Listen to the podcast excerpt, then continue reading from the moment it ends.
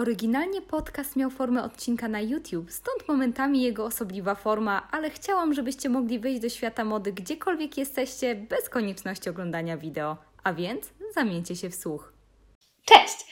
Młodzi ludzie od zawsze pragnęli wyróżniać się z tłumu i ubierać się nieco inaczej od swoich rodziców. I było to szczególnie widoczne po II wojnie światowej, kiedy to świat powstawał z kolan i młodzi ludzie mieli w końcu pieniądze, żeby pozwolić sobie na rzeczy, które po prostu pragnęli posiadać. I w dzisiejszym odcinku porozmawiamy o pierwszej tak bardzo rozpowszechnionej subkulturze Wielkiej Brytanii, a mianowicie o modsach.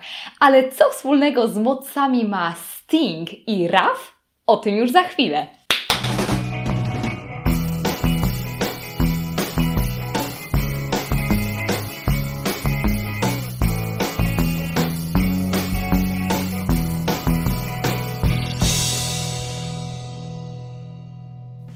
Historia moców sięga początku lat 60. i jest bezpośrednio związana z pokoleniem brytyjskich baby boomers, a więc osób narodzonych w czasach wyżu demograficznego i czasów względnego dobrobytu po II wojnie światowej. Nastolatkowie byli postrzegani jako odrębna grupa społeczna o ważnym i donośnym głosie, która to z kolei posiadała w końcu własne pieniądze. Dlaczego?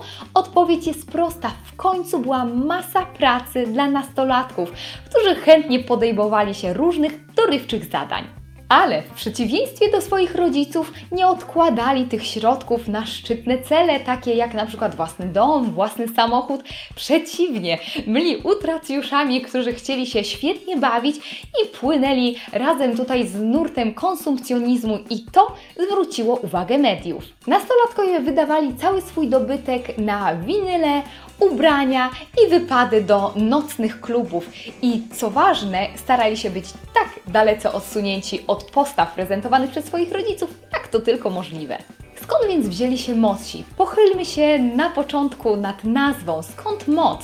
Jest to skrót od modernists, a więc od nazwy, którą określano fanów właśnie modernistycznego jazzu. Co więcej, książka Absolute Beginners, wydana w 1959 roku, określa właśnie tych modernistów jako osoby słuchające jazzu, lubiące bardzo dobre, drogie garnitury i lubujące się we włoskich i francuskich filmach. Warto tutaj wspomnieć, że modci nie byli jakąś wielce ideologiczną subkulturą. Była to subkultura po prostu łącząca ludzi o podobnych zainteresowaniach względem muzyki, mody i filmu. To oczywiście było związane z ich snobistycznym i hedonistycznym podejściem do życia. Bardzo często mówi się, że moców stworzyły diametralnie różne realia, jeśli chodzi o społeczeństwo brytyjskie, ponieważ na przykład po raz pierwszy zniesiono pobór, a więc młodzi ludzie faktycznie mogli zerwać z tymi sztywnymi ramami i skupić się tylko na sobie. Na początku młodsi to byli przede wszystkim biali mężczyźni z klasy średniej,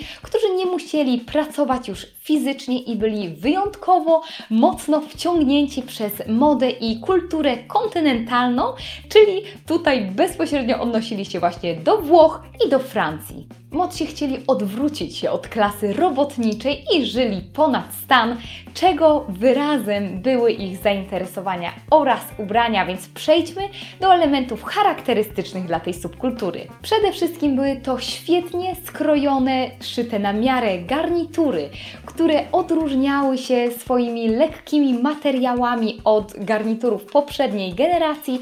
Szczególnie popularnym materiałem był moher.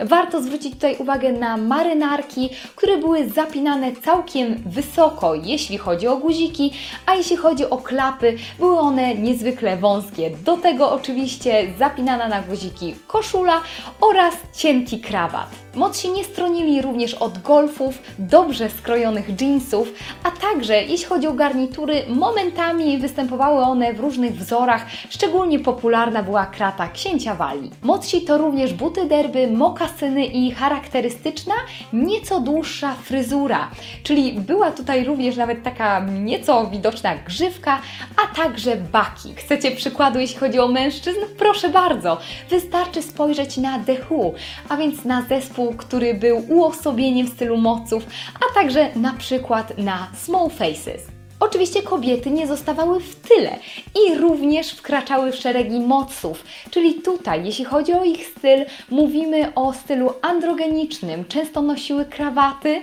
marynarki, męskie garnitury, a przy tym później spódniczki mini, kamizelki i edwardiańskie bluzki.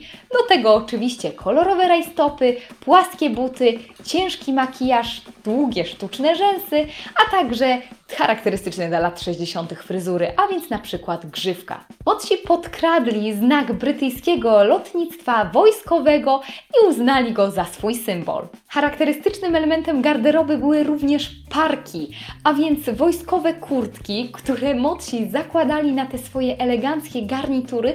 Wszystko to, żeby ich nie zabrudzić, a więc to było takim wyrazem snobizmu i ich zainteresowania modą. Warto tutaj nadmienić, że na początku moców bardzo mocno kojarzono z homoseksualizmem, ponieważ mm, oczywiście Teddy Boysi byli zainteresowani modą, ale nie w takim stopniu jak młodsi. Kolejne ważne dla moców rzeczy to na przykład muzyka i mówimy tutaj o R&B, o jazzie, o muzyce, która nie była biała, a więc to również nie podobało się dorosłym, ale zapewniało pełne parkiety w nocnych klubach. Warto zwrócić również uwagę na charakterystyczny dla moców taniec, czyli po prostu taniec szaleńców. Oni nie kontrolowali swoich ruchów, była to masowa, zbiorowa histeria, a więc taniec był po prostu środkiem wyrazu, a nie zbiorem wyuczonych ruchów. A skoro już o życiu nocnym mowa, puby wówczas zamykano w okolicach godziny 23, ale kawiarnie były otwarte do godzin wczesnoporannych i właśnie tam przesiadywali młodsi.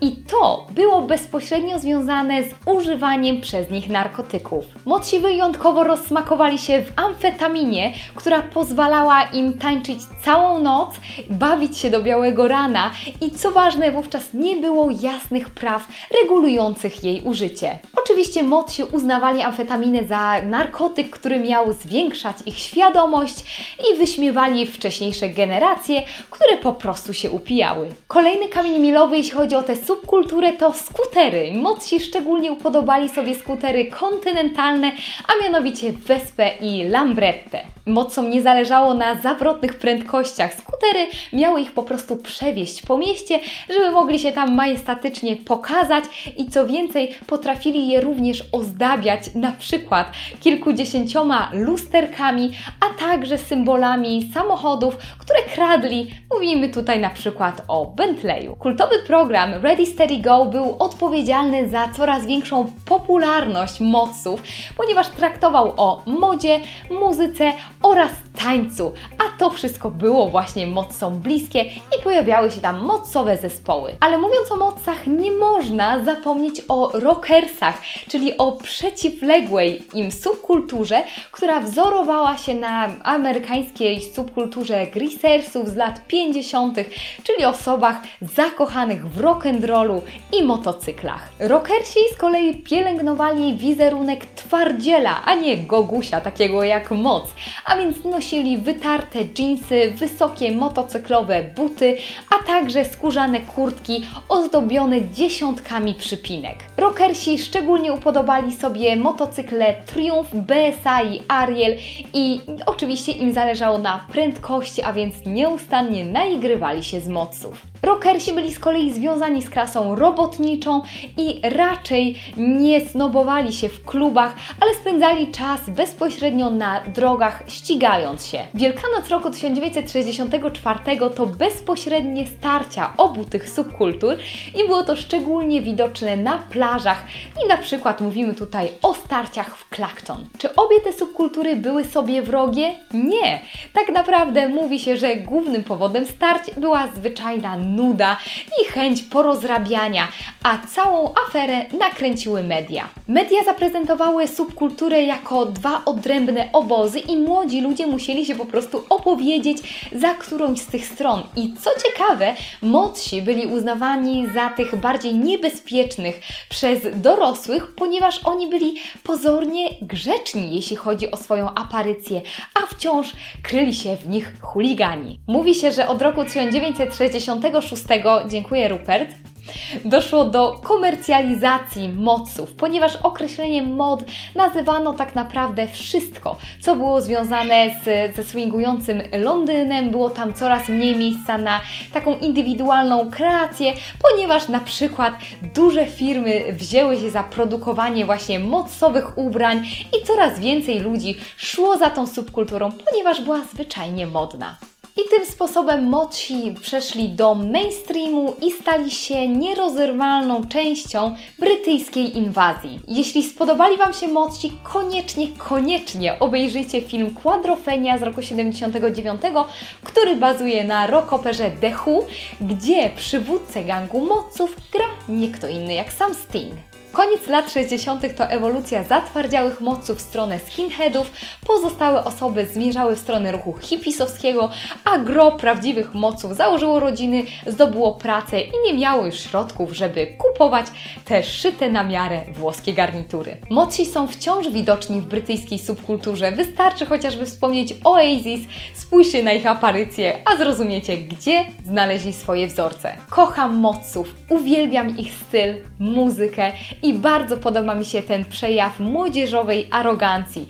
Jestem bardzo ciekawa, co o nich sądzicie, czy mieliście okazję wcześniej o nich usłyszeć. Oczywiście koniecznie dajcie mi znać w sekcji komentarzy na dole. Każdy komentarz czytam i na każdy staram się odpowiadać. Już teraz zapraszam Was do subskrybowania kanału, żeby żaden film Wam nie umknął, do oglądania mnie na Instagramie, gdzie nieco częściej daję znać, co u mnie słychać i do czytania bloga, gdzie oddaję się swojej pisarskiej pasji.